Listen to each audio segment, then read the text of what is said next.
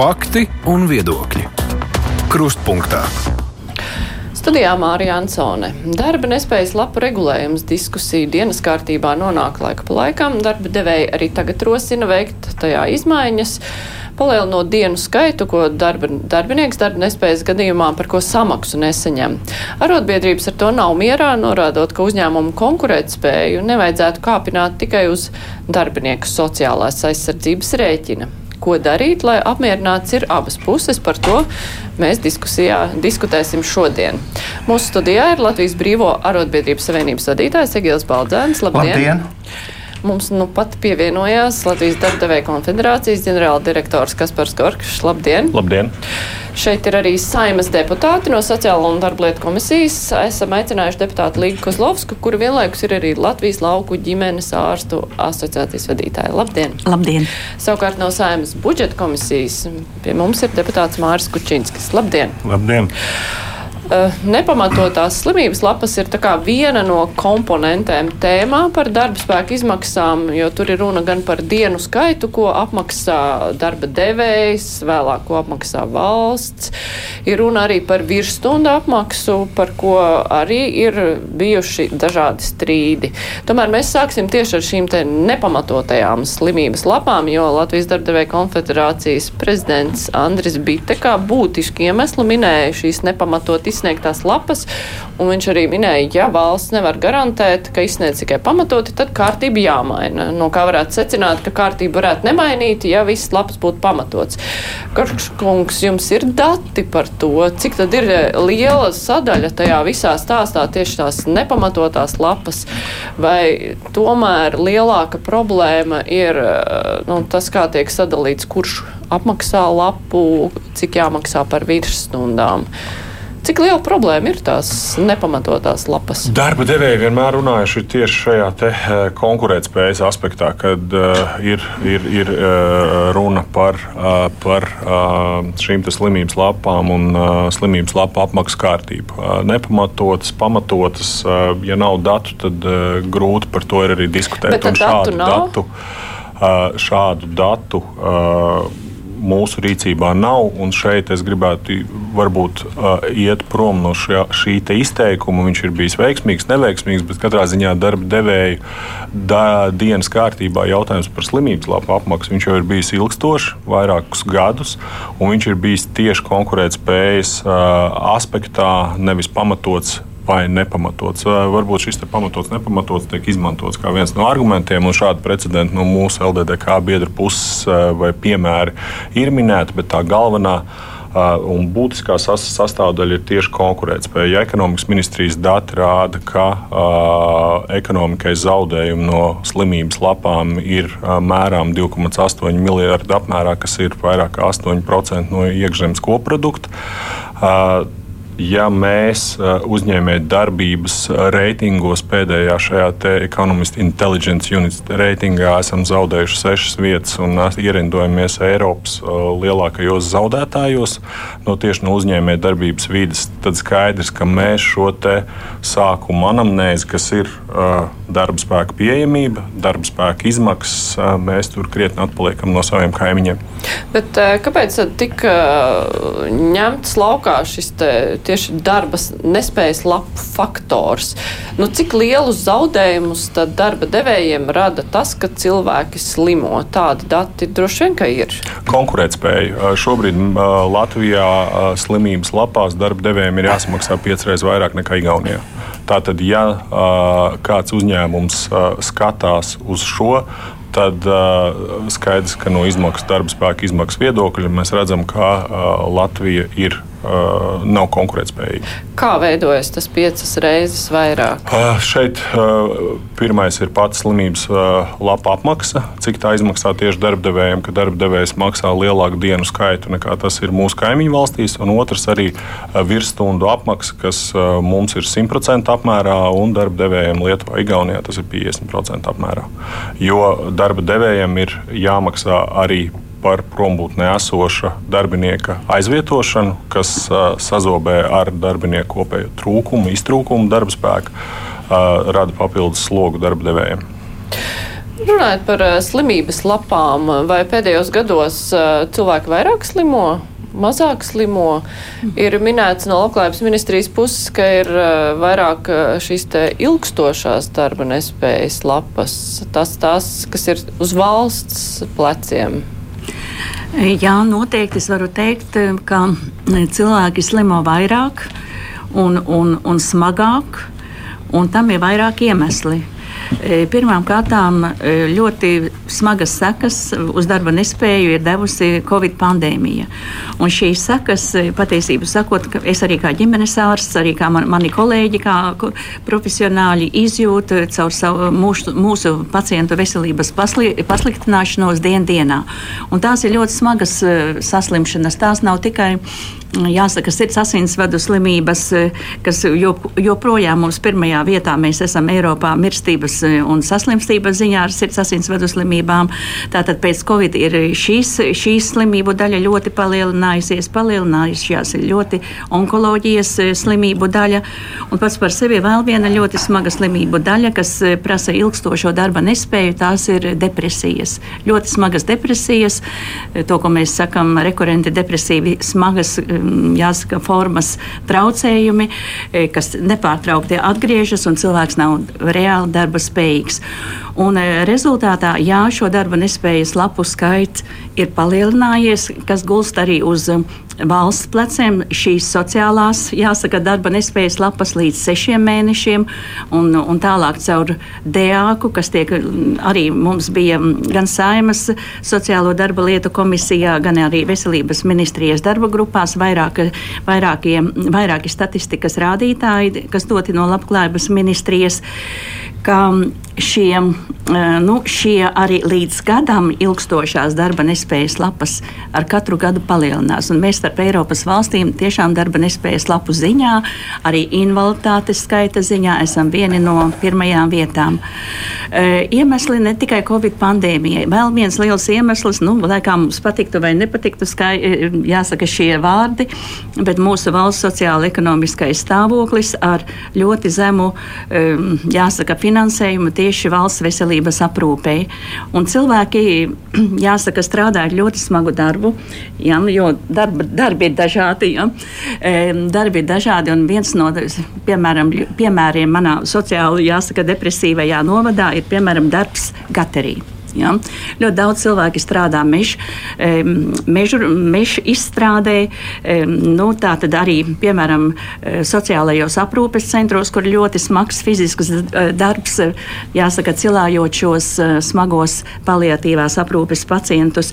Tādu, tādu profesiju ir īstenībā ļoti daudz, ieskaitot arī tā saucamos IT speciālistus, kuri pandēmijas laikā ļoti daudz strādāja pie datoriem, ilgstošas darba stundas stundas, un beigu beigās ir ne tikai invaliditāte, bet pēc tam seko arī arotslimība, ko apstiprina arot komisija.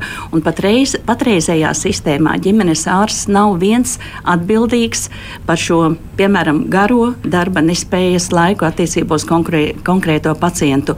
Bet es varu pateikt, ka tā saucamās nepamatotās darba nespējas lapas e, ir, jāsaka, zināmi skaitļi no e, mūsu veselības inspekcijas, un tie nepārsteidz pāris desmitus. Nav daudz. Šo, šie skaitļi nedaudz mainās katru teiksim, laika periodu, bet eh, tā sauc, un kādēļ mēs viņas varam teikt, ka tās ir savā veidā nepamatotās arī tikai pēdiņās.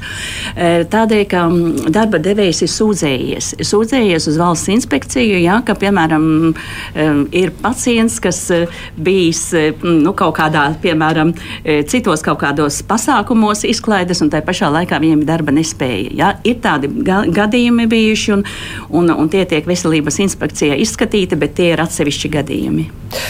Balcēnkungs, tas, ko mēs tagad dzirdējām, ir no vienas puses uzņēmēju un Latvijas uzņēmumu konkurētspēja, kura būtu jāceļ. Otra lieta ir sabiedrība, kura ir kļuvusi nu, slimāka, acīm redzot, ņemot vērā, ka ir palielinās tieši šo ilgstošo slimošanas skaits. Nu, tad, uz kā pleciem uzlikt šo problēmu nu, risināšanu? Paskatīsimies, kāda tā problēma ir. Jo no mūsu puses mēs godīgi esam teikuši, ka, piemēram, Igaunijā veselības uh, nacionālo fondu tieši ar 13% sociālās apdrošināšanas iemaksām veido tikai darba devēji. Tas ir pirmais, kas jāpasaka.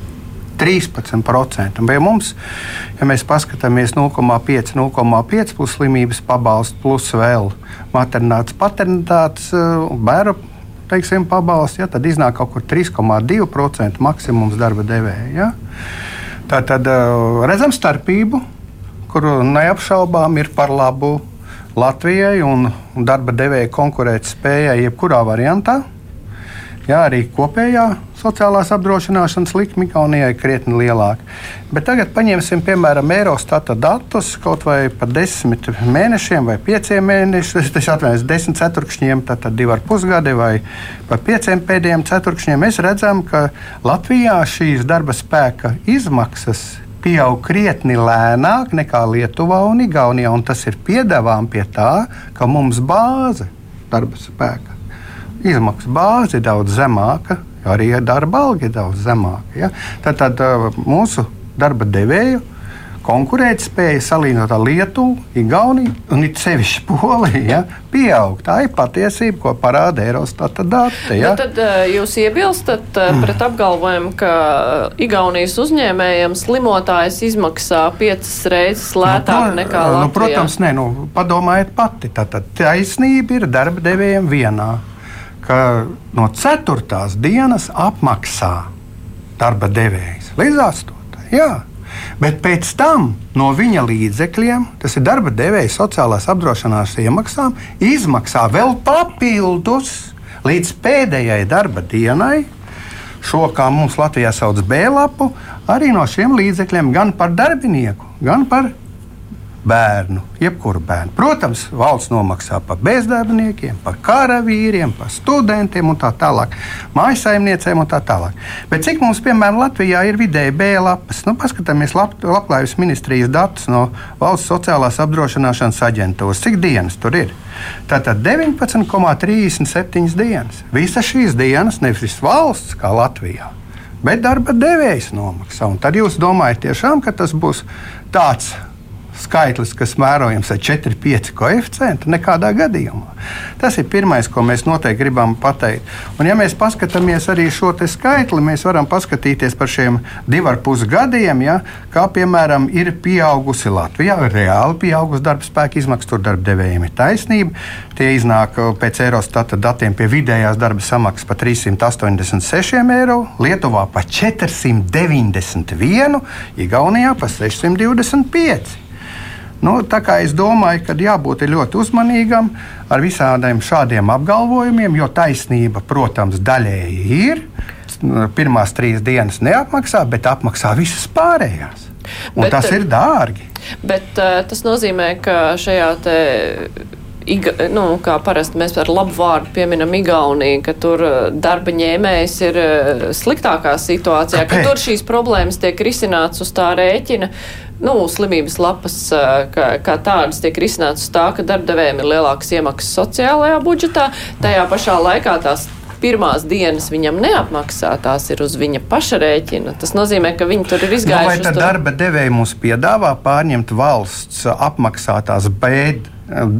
Slimības lapas dienas nepiedāvā. Viņi vienkārši grib paņemt vienu pusi. Tas ir apmēram tā, kā es no kliņģera gribētu paņemt rozīnes, dzērvenītes, attiecīgi rīkstiņas un pārējā atstāt pārējie. Nē, nu, tas, tas ir skaidrs, ka šajā gadījumā tas eh, tiek dalīts starp atbildību, kas tiek eh, uzlikta valstī vai darba. darba Nē, tur nav devējiem, tik vienkārši bet... tajā brīdī, kad uh, sociālās apdrošināšanas iemaksas darba devējiem ir lielākas, neto darba samaksa izmaksa darbiniekiem pieaug. Līdz ar to arī no šīs neto darba samaksas arī valsts saņem zināmu vēl papildus labumu. Ja? Tā skaitā pievienotās vērtības nodokli, akcijas nodokli, cilvēku pirktspēja aug. Tas jau ir tas labklājības pamats. Un otrkārt, ja būtu šie 13% valsts sociālās apdrošināšanas iemaksas kā Igaunijā, mums nebūtu šīs veselības aprūpas problēmas tādā apjomā, kādā ir pie mums. Jo kādi tiešām varam paskatīties, tie ir nedaudz virs 3%, ja mēs paskatāmies pilnīgi konkrēti Latvijā, ko tieši darba devējs nomaksā. Ja? Paralēli, teiksim, darbiniekam, un Igaunijā tie ir 13%. No lielākas algas krietni. Labi, vai darba devēja būtu gatava uzņemties lielākas saistības, eh, maksāt eh, sociālās apdrošināšanas budžetā? Mazliet komentēsim dzērnītes, rozīnītes no apelsīniem. Mēs esam tālāk eh, šobrīd nonākuši darba devēja. Pirmkārt, tas, ko Baldzēnkungs ar saviem argumentiem pierāda, tas, ka mūsu ekonomika atpaliek no Igaunijas un Lietuvas. Līdz ar to arī mēs, mūsu uzņēmēji, šobrīd nevar uzņemties papildus saistības, jo gluži vienkārši tas ekonomikas aktivitāte un lielums viņš atpaliek. Un viņš turpina atpalikt. uzņemties saistības. Un šajā gadījumā mēs runājam par trijiem, trīs, trim mainīgajiem, kas viens ir procents.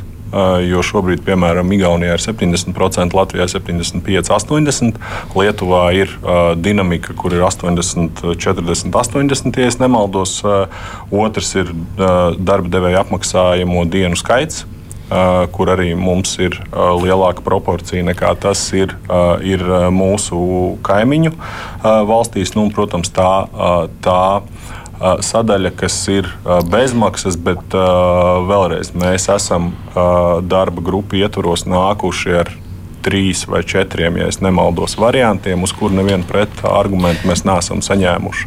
Nu jā, bet tas, tas jautājums bija, ko Balcēna kungs minēja, ka jā, Igaunijā apmaksā darba devējs mazāku dienu skaitu, bet darba devējs arī uzņēmēs lielākas.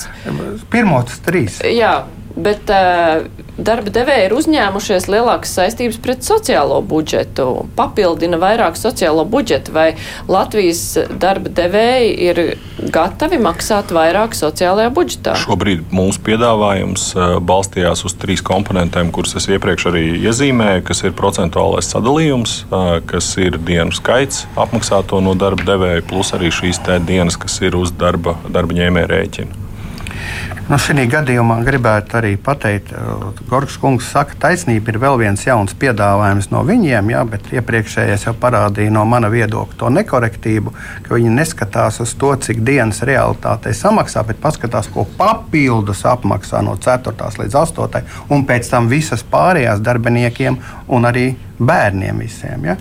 Bet paskatīsimies to pirmo variantu, kas ir piedāvāts tiešām, ko tas nozīmē. Ja ir desmit dienas, ja, cilvēks slimo, tad tas pirmajā variantā darbiniekam samazina par 76 eiro šīs eh, desmit dienas pie vidējās darba samaksas. Pie minimālās algas, kas mums ir pati zemākā, vairāk kā 36 eiro.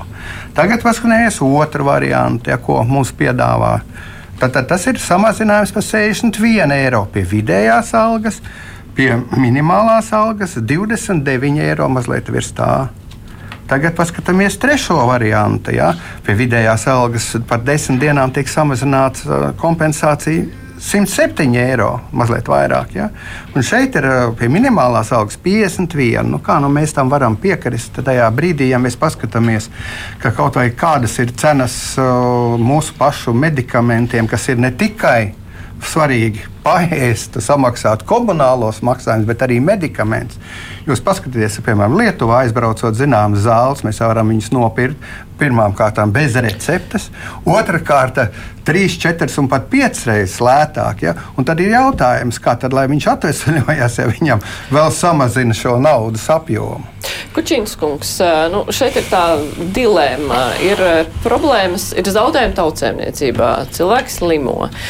Un tas eh, galvenais jautājums tagad ir eh, to visu kompensēt, eh, uz kā rēķina, vai par to samaksās darba ņēmējs ar nesaņemto naudu, vai par to samaksās varbūt darba devējs ar lielākām iemaksām, piemēram, sociālajā budžetā, vai varbūt valsts var atļauties. Nu, kā risināt šīs problēmas? Nu, mazai atkāpēji, jūs pareizi teicāt, ka šis jautājums nav jauns. Viņš ik pa brīdim ir, ir pacēlies.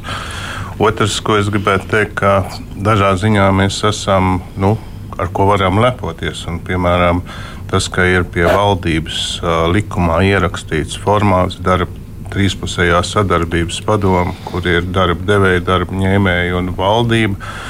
Jebkurā gadījumā arī man prognoze tā, tā tautas iniciatīvai šobrīd viņa tāpat visticamāk atgriezīsies valdībā caur komisijām. Jo diez vai saima šis nav tāds jautājums, kur politiski kāds lielos laurus gūs vai arī tā pēkšņi. No, no, no naudas šķirsies, jo tā diskusija par, piemēram, Igaunijas variantu, nu, te pilnīgi parādījās, ka patiesībā jau vajadzētu visām trīs pusēm atsēsties pie galda un izanalizēt. Jo patiešām, ja Igaunijā uh, veselības finansējums ir ietverts sociālā nodoklī un neatkarīgi vai cilvēks slimo, vai viņš ir vesels darba devējs, to samaksā, kā es pareizi sapratu, tad mums tā jau ir no valsts. Tā nav no sociālajām iemaksām. To maksā valsts tieši no budžeta. Tāpēc droši vien, ka šos ciparus korekti noliekot pretī, mēs arī varētu kaut kā salīdzināties. Nākamais, ka es tomēr arī palieku pie tā, ka, ka un valdībai tur jāiesaistās, ir nu, šīs sarunas ir jāturpina, bet valdības formātā, lai atrastu šo lietu. Jo man liekas, ka šeit kaut kādu kompromisu atrast droši vien, droši vien ir iespējams. Kaut vai ņemot vērā to, ka Covid uh, arī iemācījis dažas arī labas lietas. Protams, tas neatiecas ne uz Gateru, ne uz uh, rūpnīcu pie konveijera, bet šobrīd ļoti daudz, kur arī praktizē uh, praktizē uz dažām dienām, ja ir attālināto darbu, darba devējs saprotoši izturs kaut kā pret jaunajām māmiņām, kas var mājās strādāt. Tāpēc es tomēr teiktu, ka šobrīd nav tas laiks mums politiskā bez argumentiem saimā tur, tur, tur tagad skaldīt kaut kādas. Es uh, gribētu teikt, ka saimnes prātīgākais lēmums būtu šeit jūs, kungi, esat, šeit ir valdība, sēžat pusgadu laiks, atrodat kaut kādas arī iespējamos kompromisus. Jo no manas iepriekšējās prakses arī nebija jau tā, ka nebija sarunas. Pie tam ārotbiedrība, ja arī kaut kur piekāptos darba devējiem, Tādā gadījumā tur jau bija vairāk, arī valdība varēja nākt pretī ar tām pašām dažām citām prasībām par pusdienām, par, par kādas jums arī, arī neapliekamo, neapliekamo, neapliekamo. Tāpēc uh, aktīvāk tiesa tai pašā otrreiz piemin Covid laiku, nu tad, man liekas, tāpat trīspusējā darba devēja tā trīs, trīspusējā padoma kļuva par vienpusējo padomu, jo jūs neviens vairs pie galda neaicināja kaut kādu zināmu laiku. Bet uh, es teiktu, jā, šeit ir formāts, un uh, saimnieks var dot uzdevumu nākt pēc kaut kāda laika. Skatīties, kas no tā sanāca, bet uh, mēs tā nevaram nostāties nostāties krasi vienā vai otrā pusē. Tas prasās, prasās zināmas analīzes. Es vēl ceturto pusi droši vien, kad jāiesaista, būtu arī, arī paši darbņēmēji bez, ārot, darbņēmēji bez ārotbiedrības, ņemot vērā, ka, nu, lai mēs izbēgtu no tā, no tā, ka slimot dažreiz patiešām ir izdevīgi. Manā kaut kādā darba devēja desmit gadu praksē, kādi trīs ir stundu laikā aizbēguši no atlaišanas. Tādā veidā pēkšņi saslimstot ilgstoši. Nu, tas ir cits stāsts īstenībā šeit tikai viens jāpiemina, ka ļoti daudz darbinieki vieglā formā saslimstot iet uz darbu. Es vēl neesmu dzirdējis, ka kāds darba devējs viņus tā, tā sistemātiski mest ārā no darba vietas.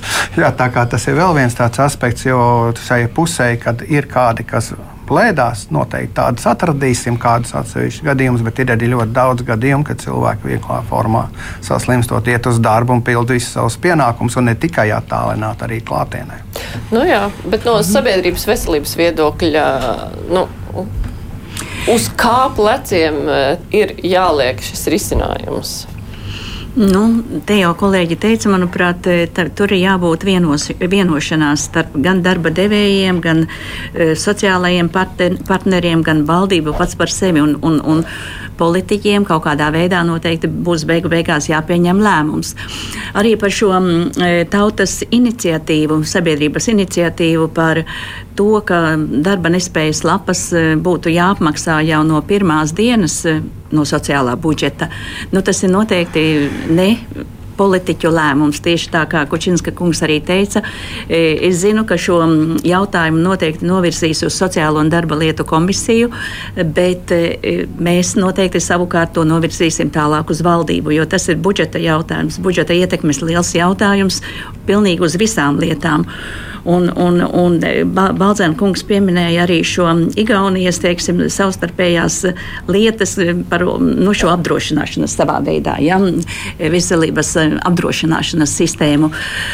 Novirzot no sociālā budžeta, piemēram, es zinu, ka konkrēti veselībai mūsu valstī ir novirzīts tikai um, nepilns miljons.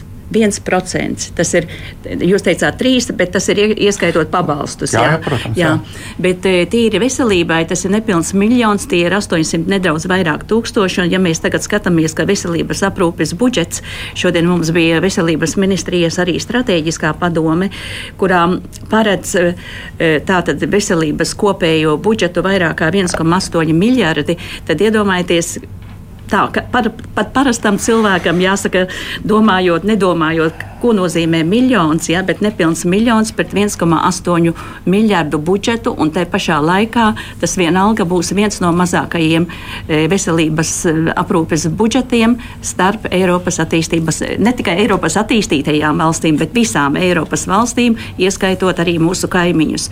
Un līdz ar to, jo, vairāk, jo mazāks ir veselības aprūpes budžets, jo Tas ir vienalga, teiksim, no kuri, kuriem ienāku nodokļiem tas nāk. Vai tas nāk no ienākuma nodokļa, vai tas nāk no sociālā nodokļa, vai arī atsevišķi nedod Dievs papildus veselības nodoklis, kas ir cilvēkiem atkal, nu jāsaka, arī darba devēji tur uzreiz atkal būs iesaistīti Bet pats par sevi pirmām kārtām cilvēks. Vissolidārākā, nu, tomēr veselības aprūpes sistēma ir tātad šis e, finansējums no kopējiem valsts e, budžeta izdevumiem. Un mums ir jānā, jāiet soli pa solim, bet e, ne tikai lēniem soļiem, tomēr ātriem soļiem, lai panāktu šeit gan politisko gribu, politisko lēmumu un, e, un tātad e, panāktu mūsu Baltijas valstis. Līdz ar to būs arī so, sociālais budžets budžets, būs sociālās garantijas cilvēkiem iespējamas. Un vēl viens man tāds nu, dabiski darba devēji vienmēr par to mm, diskutē, vai, vai tas ir labi vai slikti. Jūs pieminējāt sabiedrības veselību tajā jomā, ka ļoti bieži cilvēki aiziet ar, piemēram, vīrusu infekcijas simptomiem uz darbu. Viņi jau tikai pa, nebojā pašu savu veselību, viņi aplipina arī citus. Ja? Un nāk atkal tagad eh, Covid atkal jāsaka, atkal uzliesmojums, nāk gripas, atkal tas viss ir kopā tāds savienoto trauku princips. Jā, es īstenībā esmu par to, ka mm, mūsu valstī ir jānonāk beig beigās pie tāda lēmuma kā Lielbritānijā vai citās arī Skandināvijas valstīs, ka darba devēji e, humāni, labticīgi iedod piemēram trīs dienas e, gadā e, nu, cilvēkam, kurš tiešām jūtas slims. Un tā nav tikai akūti vīrusu infekcijas simptomi simptomi, tā, tas var būt arī izdegšanas simt, e, sindroms, ka cilvēks vienkārši vairs nespēja pastrādāt. Ja? Un tas ir, es domāju, gan humāni, gan no otras puses tas būtu ekonomiski arī pamatoti, jo vesels cilvēks viņš tai ekonomikai dod daudz lielāku pienesumu. Nu jā, darbdevēji droši vien ir ieinteresēti tajā, lai viņiem ir veseli darbinieki, lai nav darbinieki, kas varbūt nāk slimi uz darbu un pēc tam pazūd pavisam un ir ilgstoši jāizvieto. Bet jautājums ir kādu ieguldījumu, tad, eh, jo šeit runa ir par veselības aprūpas sistēmu kā tādu, un jautājums, vai darba devēji tad ir gatavi iesaistīties šīs te veselības aprūpas sistēmas finansiālā stiprināšanā ar kaut kādiem papildus nodokļu maksājumiem. Vai es šādai... drīzāk, ja, ja mēs tādu diskusiju gribētu, ka, ka, kas jūsuprāt būtu ekonomiski pamatot, ko ietver sevi ekonomiski pamatoti darbiniekam ļaut uh, ilgāku laiku nestrādāt? Kādā veidā tieši matemātiski izpaustos, tad varbūt tā ekonomiskā pamatotība šim te. Nu, tur bija runa par trīs dienām. Par trīs dienām, ne jau teiksim, vairāk. Nu, teiksim, ir arī citas Eiropas Savienības valstis, kur ir arī septiņas dienas, tās ir dabiski bagātās valstis. Ja?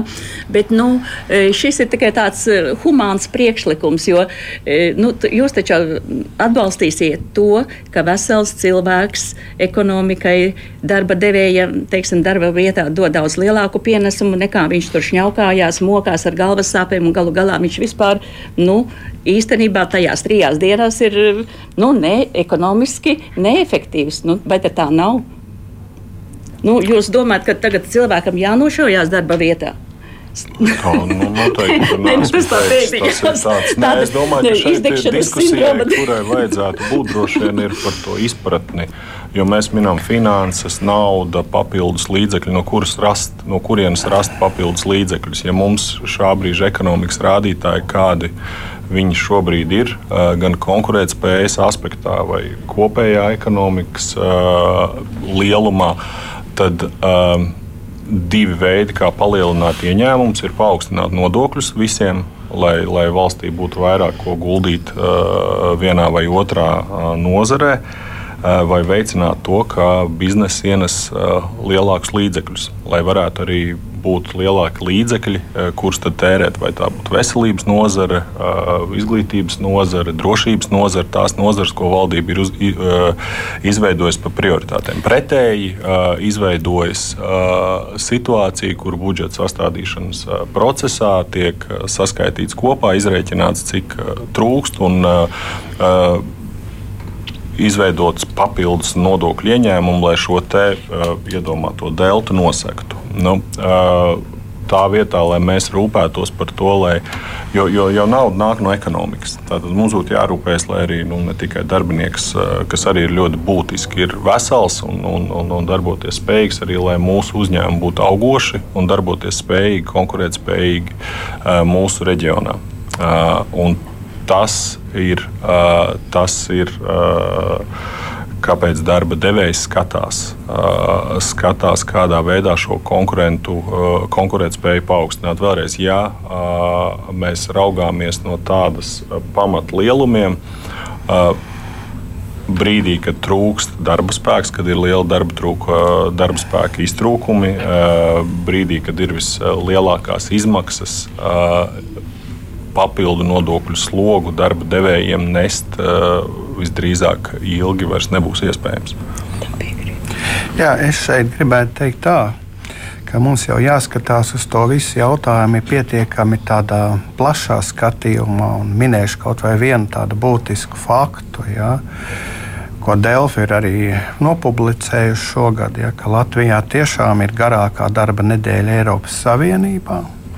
Un, atšķirībā no Lietuvas mēs strādājam gada laikā un Igaunijas. Ja, 112 stundas vairāk. Tas ir noteikti iegūms arī darba devējiem, ne tikai darbiniekiem pie savas darba samaksas. Ja. Tas ir vēl viens tāds aspekts. Otrakārt, tas jautājums, kā vajadzētu noteikti stiprināt darba devēju zināmu tādu, nu, saka, konkurētspēju, kuru es jau norādīju, ka īstenībā nepārtraukti pieaug pēdējā laikā. Ja mēs paskatāmies divas pusgadus, pagaidīmiet, tas ir Eurostata. Baldzēn, būsim, baldzēn, es, būsim es esmu ļoti korekts. Eurostata dati Eurostati to norāda. Norāda ekonomikas lielumu šie dati ne, ne. nenorāda konkurētspēju. Nē, nē, nē, te ir rakstīts ļoti precīzi. Darba spēka izmaksas un to izmaiņas no 21. gada 1. ceturkšņa. Ja jūs sakat, ka darba spēka izmaksas nav konkurētspējas jautājums, tad es jūs līdz galam nesaprotu, tad atvainojiet. Ja? Tā kā šeit ir viena lieta, ko es vēl gribētu. Mums vajadzētu domāt par neapliekamo minimumu ne tikai uz mazo algu, bet arī uz vidējo, ko arotbiedrības ir arī rosinājuši vairāk kārt arī finansu ministrijā tajā brīdī, kad bija jautājums par to, kā mēs to konkurētspēju celsim. Jo paskatīsimies, Lietuvā, Igaunijā viņi tiešām ir augstāki.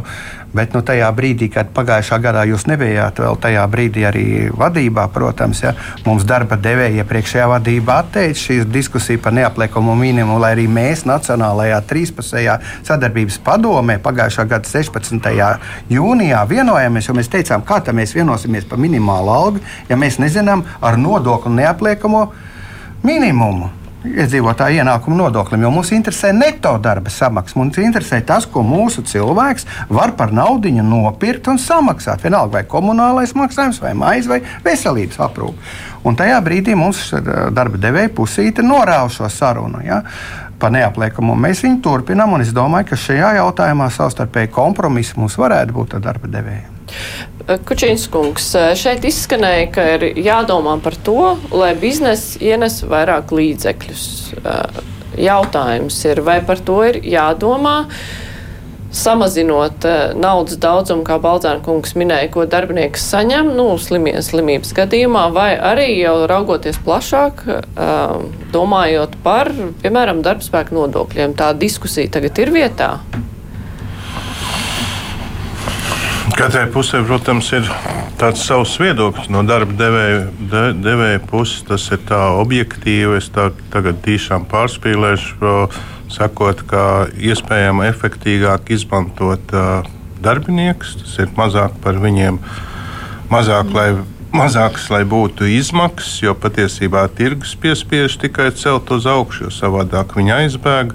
Un šī tomēr slimības lapu jautājums, ko mēs šeit esam ielikuši, tas ir viens no izdevuma posteņiem, ko no darba devēja viedokļa gribētos, gribētos viņiem samazināt. Nu, tad valstī arī jāspēj kopumā būtu sabalansēt, bet nevis tā arī vienos vārtos. Man ļoti patīk, ka līgas aizsāktais arī par to zināmo sapratni, jo darba devējām noteikti nav izdevīgi nekādā brīdī, kad cilvēks ilgstoši, ilgstoši kaut kādā ziņā slimo. Un, un, un tie, kā es vēlreiz tikai aicinu šeit kaut, kaut kā rast kompromisus, lai neaiziet līdz tam, ka kaut kur jāceļ nodoklis, jo izmaksas jau daudz vairāk ietekmētu nodoklis. Tas, tas ietekmē daudz vairāk nekā slimības lapas, ja pie, pēkšņi tiktu valdība pacelt, tāpēc ka viņiem vajag finansēt. Jo, jo kā tas ir ar vienu roku, mēs tā kā ir iniciatīva izpildot, valsts iemetīs iekšā naudu un pēc tam cels nodokļus. Pēc man šķiet, tas ir ļoti, ļoti neracionāli. Es vēlreiz atgriežos pie aicinājuma meklēt šos šīs te, šīs te kaut kādā ziņā kompromisus. Es pilnīgi redzu, ka viņi noteikti ir iespējami. Nu, nevajag jau uzreiz celt nodokļus. Varbūt ir cita veida nu, korekcijas iespējas. Pagaidiet, ja būtu tādas, tādas populārās iniciatīvas ir tādas, samazināsim uz pusi visus nodokļus, un otra iniciatīva palielināsim divreiz augus skolotājiem un ārstiem, nu, kas nav iespējams. Tāpēc vienmēr jau ir jāsabalansē valsts, bet mēs nedrīkstam atpalikt, protams, konkurētspējā no Igauniem un, un no Lietuvas. Tā ir mūsu tāda iešana atpakaļ. Tāpēc vēlreiz aicinu tieši Igaunijas pieredzes jūt, tas būtu būtu tāds kompromiss variants, kas būtu jāskatās. Mēs jau, mums tad varbūt ir kaut kādas vienmēr politiskās domstarpības arī pa veselības budžetu. Es jau uzskatu, ka jābūt toreiz palikuši, arī Līga toreiz bija vēl valdībā palikuši pie tā, ka ir iezīmēta daļa da, un uzskaita katram valsts sociālā apdrošināšana. Nevis apdrošināšana klasiskā, bet valsts mēs būtu daudz saprotošāk, tālāk, tālāk aizgājuši. Šobrīd tur tā kā caurumā met iekšā, ko grib.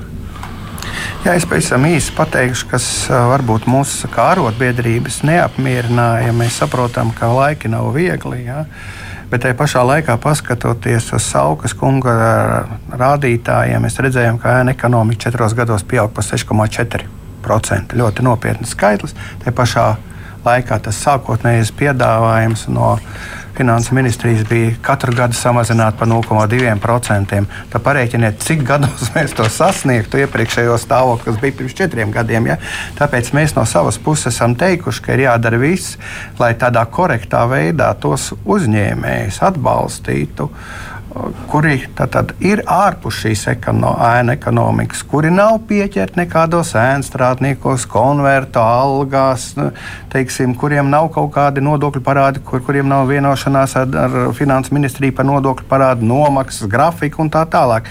Vesela virkne tāda nopietna jautājuma, tā skaitā, ka nav notikuši darba devēja dēļ kaut kāda darba aizsardzības nopietni pārkāpumi, kas ir noveduši piemēram pie cilvēku dzīvības vai nopietnas sakropļošanas un tā tālāk šie nosacījumi ja, bija pietiekami nopietni, lai viņiem pievērstos uzmanību un tos attīstītu. Diemžēl patreiz tā uh, virzība ir piebremzēta, jo bez ēna ekonomikas ierobežošanas, sakot, ka mēs 0,2 tikai paņemsim, ko var viegli pārliecināt Eiropas komisija, ka tik vien mēs izdarīsim, jo par to viņi nešaubīsies. Ja?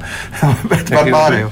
Bet uh, man jau šķiet, ka darba devēja konfederācija tieši zem savu jumtu pulcē lielāko daļu šādas. Te cita lieta, ja runāt par visu Nu, Latvijas jā, bet es vienkārši saku, viens, bet man- tāpēc man šķiet nosēdināt pie galda visus lielos uzņēmumus. Lielie uzņēmumi ir tādi, kā tu tie, saki. Tie ir tie, kuri arī nu, uz tiem izstrādājot šo te kompromisu variantu, un tad arī griežamies pie politiķiem. un Es tad- tev tad pilnībā piekrītu. nespēlējiet ar visiem. Jo Nē, mums, mēs protams, jau ir- nevaram. Viņa patreiz nelaime notikusi tāda, ka tagad uh, ietekme ir lielāka visiem uzņēmumiem kopumā, nevis tiem, kas ir šie te daži procenti, 7, 8, bet kas piepilda no 93 līdz 95 procentiem valsts pašvaldības sociālos budžetus.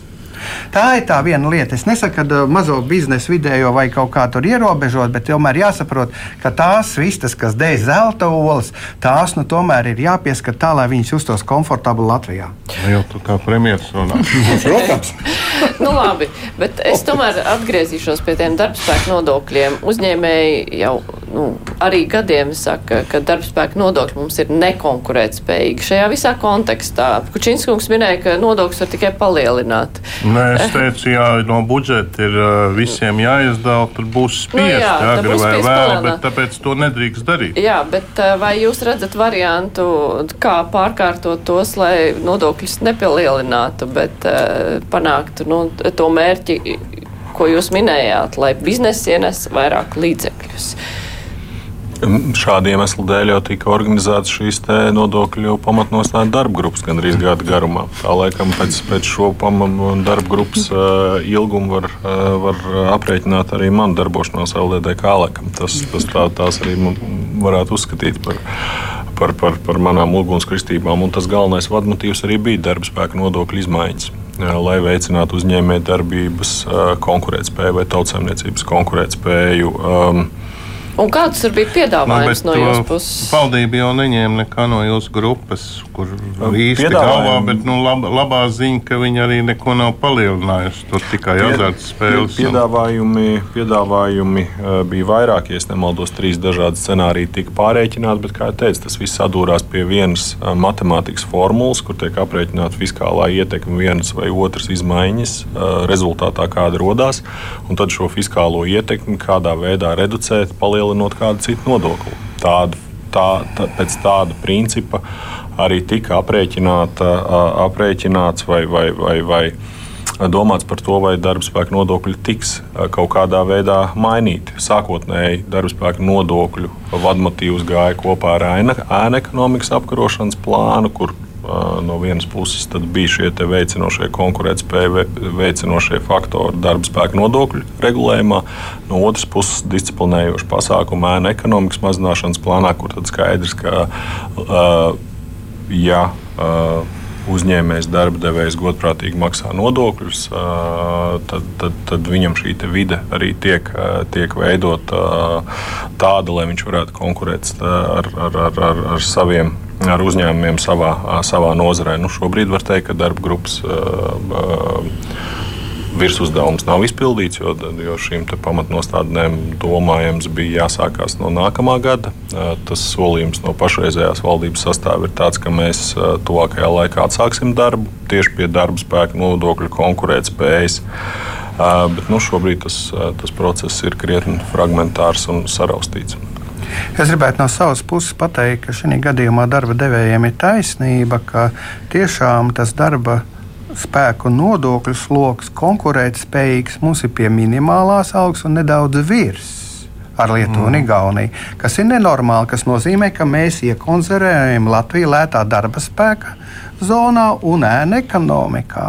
Ja tas nav galīgi vajadzīgs, un tāpēc no mūsu arotbiedrības viedokļa ir vajadzīgs, protams, ļaut šo slogu zināmā mērā risināt ar tām metodēm, ko darīja Lietuva. Viņa rūpējās par to, lai neapliekamais minimums būtu krietni lielāks, un tā izskaitā vidējai darba samaksai. Un tajā brīdī mēs aizbrīvējam to momentu, kad nav tā, ka ja kāds maksā vairāk un nepiemaksā konvertu, viņš kļūst nekonkurētspējīgs, kas ir nenormāli. Gan priekš sociālā budžeta, gan priekš pamata budžeta. Nu jā, kāpēc es to vaicāju par šiem darbspēka nodokļu izmaiņām?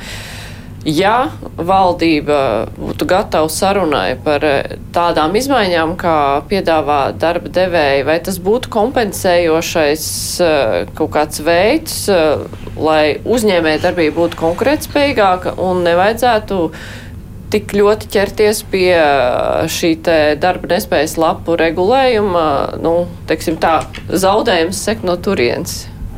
Vai tas būtu kompensējoši? tas, kur es par piekrītu, ka vairāk šie mehānismi ir jāmodelē un jāskata komplekss. Vai viens atsevišķs elements risinās visu problēmu, nu, to ir grūti bez tādas tāda aprēķina esības projicēt. Bet, tas, ka darba spēka nodokļu konkurētspēja ir šis atslēgas faktors, bet, bet viennozīmīgi jāskata arī pārējie elementi, kas, kas veicina šo konkurētspēju. Jo vēlreiz atkārtošos, ekonomikas lielums un konkurētspēja šobrīd to paģēra. Man šķiet, ka, jā, kad, uh, tieši tā darba grupa, kas skata kompleksu un uh, nodokļus un, un darba spēka izmaksas, būtu arī īstais formāts, kur atgriezties patiesībā arī pie šī jautājuma. Jo mēs šobrīd runājam par slimības lapām, kas no tiem darba devēja izdevumiem jau sastāv, es varu minēt kaut kādus 3%. 5% no, no tā komponenta iekšā.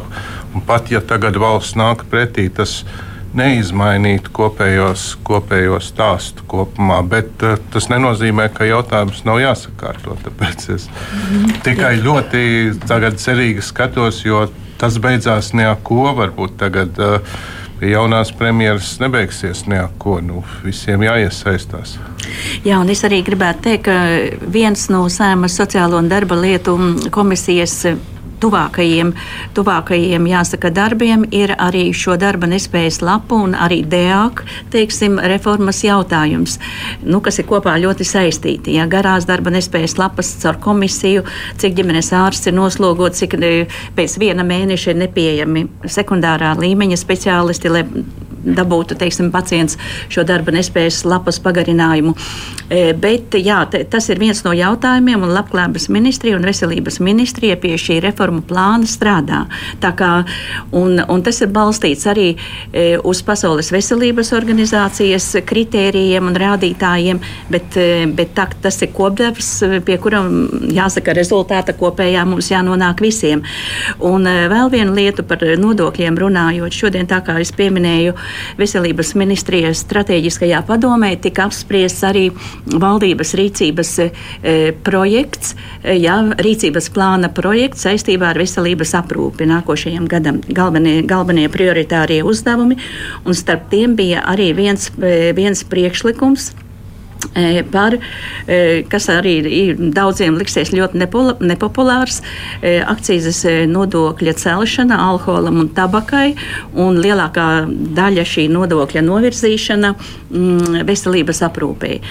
Nu, šis, šis priekšlikums ir jāsaka uz papīra uzlikts. Es zinu, ka tur būs ļoti liels lobisms, jā, droši vien no um, dažādām organizācijām, bet, bet tas, ir, tas ir apspriežams variants. Eh, lai šo akcijas nodokli dabiski līdzsvarotu ar pārējām Baltijas valstīm. Ne jau tā, ka mēs esam, es, es varbūt neesmu tāds nodokļu speciālists, bet es stāstu to, kas grib, ir. Gribu vienu piezīmi ieteikt, un mēs būtu ļoti unikāli, vien, liekas, pirmā valsts, kur veselības aprūp no alkohola. Jā, tas, no ētikas viedokļa tas ir nepieņemami. ir sadzimuši šie te alkoholeti vai kas tie veikali, un ka mm -hmm. tur kaut kas nav kārtībā, tāpēc uh, ir nodokļiem jābūt, bet tad drīzāk atgriežos iezīmēt kādā nodoklī veselībai naudu, jo sas, mainot saskaitāmo kārtību, summa jau nemainās, bet alkohola veselībai tas Nē, man šķiet. Es piedaudz. nedomāju, ka tieši konkrēti veselībai, bet veselības aprūpes budžetā, nu, kas ir dab, dabiski tiek ņemts no visa kopējā valsts budžeta. Tas jau ir tas jautājums. Jā, Jā. bet eh, tas, ko jūs pieminējāt par darba nespējas lapām un VDA tas eh, tur jau ir ietverts eh, priekšlikums par to, ka varētu mainīt tieši darba nespējas lapu apmaksas kārtību, vai tas tā netiek pagaidām eh, skatīts? Nē, tas tiek skatīts īstenībā jau no pavasara. Jā, jau no pavasara šie jautājumi ir aktualizēti, bet, bet mums te nepārtraukti ir sarunas jā, arī ar darba devējiem. Un kā ar arotbiedrībām nu, tas ir pats par sevi. Jā, jā bet pagaidām. Jā, jā bet, ne, mums tas pirmais ietvers ir eh, labklājības ministrijā, veselības ministrijā un arī, Nē, nu, jāsaka, politiķi, arī, es gribu teikt, pagaidām profesionālās organizācijas, mediķu. Ja? Nu, es saku to, kas ir. Ja? Es, Tātad mums ir pirmais solis, un mums jāiet tālāk. E, un, un es tikai varu pateikt, ka jā, mēs noteikti visi būsim kopā šī jautājuma ne, risināšanā. Nu jā, es gribu saprast, e, kurā brīdī tas būs kaut kāds taustāms projekts, e, par kuru valdība, saima lēms. Nu, mums vispirms vajadzētu nonākt pie kopsaucēja kaut kāda, es domāju, un šī gadījumā darbinieki intereses, skar darbinieku darba nespējas lapas vienkārši ignorēt nevarēs. Ja? Un vajadzēs visu to līdzsvarot starp valsti darba devējiem un darbiniekiem. Nevis vienkārši izdomāt, ka, piemēram, valsts teiks, jā, jūs darba devēji varat paņemt kaut ko no darbinieka šā brīža darba samaksas sev. es domāju, ka tādu jūs patreiz arī kā lauka ārste neteiksiet. Nē, nē, nekādā gadījumā. Un, bet tieši tādēļ īstenībā ir kārtējo reizi pirmais solis, un Kučinska kungs jau neļaus, neļaus neļaus samelot. Darba nespējas lapu jautājums jau arī 12. sājumā bija nepārtraukti jāsaka aktualizēts, un, un vienalga mēs, nu, pie kā mēs nonācām? Nonācām pie tā, ka, teiksim, darba devējs tātad maksā nevis par desmit dienām, bet par deviņām. Nu, tas jā, bija tas rezultāts. Bet tur jau nebija uz darbinieku rēķina. Tā bija, ka nu, es nevaru iebilst, nu, ja valsts nu, vienojās ar jā. darba devējiem, ka valsts mm. paņem kaut ko sev. Kāda man pamata ir iebilst? Nu, jā, tāpēc ir jautājums, mm. kurā brīdī kaut kur parādīsies tas priekšlikums, kas nāk no darba devējiem eh, likumprojekta veidā. Bet tāds vēl nav parādījies. Nē, likuma projekta veidā nav. Tas ir darbs. jā, tas ir darbs, ko darbs. Mums ir trīspusējais sociālais dialogs, iespējams arī divpusējs. Tā izskaitās starp valstu un darba devējiem. Ja viņi savstarpēji vienojas un neaizskar darbinieku intereses, mēs esam gatavi jebkurā brīdī. Bet tikpat labi tas var arī neparādīties. Nē, es domāju, ka tas process noteikti būs, jo um, nu, ļoti daudzi, jāsaka, partneri gan no darba ņēmēju, gan darba devēju, gan puses arī ģimenes ārsti īstenībā ir ļoti, uh, nu, kā lai saka, noslogoti ar šīm garajām darba nespējas lapām, sevišķi tādēļ, ka uh, tas pacients pa vidu netiek pie, kā jau minēju, pie sekundārā līmeņa izmeklējumiem un speciālistiem. Uh, darba dejāki arī ir pārāk pārslogoti un, un, un, un be, beigu beigās tas vadzis lūzīs. Ja? Tādēļ, tādēļ es domāju, ka šie risinājumi būs ļoti tuvākajā laikā, bet eh, kā mēs nonāksim pie kopsaucēja, tas būs mūsējais kopējais darbs. Jā, jūs sačukstēšanos visu Latviju var klausīties. jā, jā mēs bet, analizējam Zviedriju un Somiju. Jā, es varu arī pateikt, lai nebūtu noslēgts. Diemžēl, mums ir viena minūte palikusi tikai, un es varu paspēt tikai atteikt raidījumu. Uh, bet uh, skaidrs, ka tā problēma ir plašāka. Tas nav tikai stāsts par uh, darba nespējas lapām, bet uh, tur tā diskusija jau, kas arī jums būs ar jauno valdību, būs jau arī par plašākām, varbūt pat nodokļu izmaiņām. Es teikšu paldies. Šodien kopā ar mums bija Līga Kozlovska, saimnes deputāte, vienlaikus arī Latvijas lauku ģimenes ārstu asociācijas vadītāja, arī no saimnes budžeta komisijas bija Mārs Kučīnskis deputāts, Kaspars Gorkšs, Latvijas darbdevēja konfederācijas ģenerāldirektors un Egils Baldzēds, Latvijas brīvo arotbiedrības savienības vadītājs.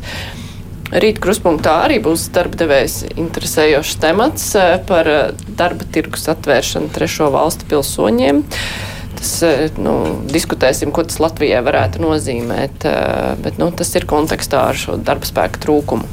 Bet raidījums izskan, raidījuma producente Ieva Zēze, studijā bija Mārija Ansona. Visu labu!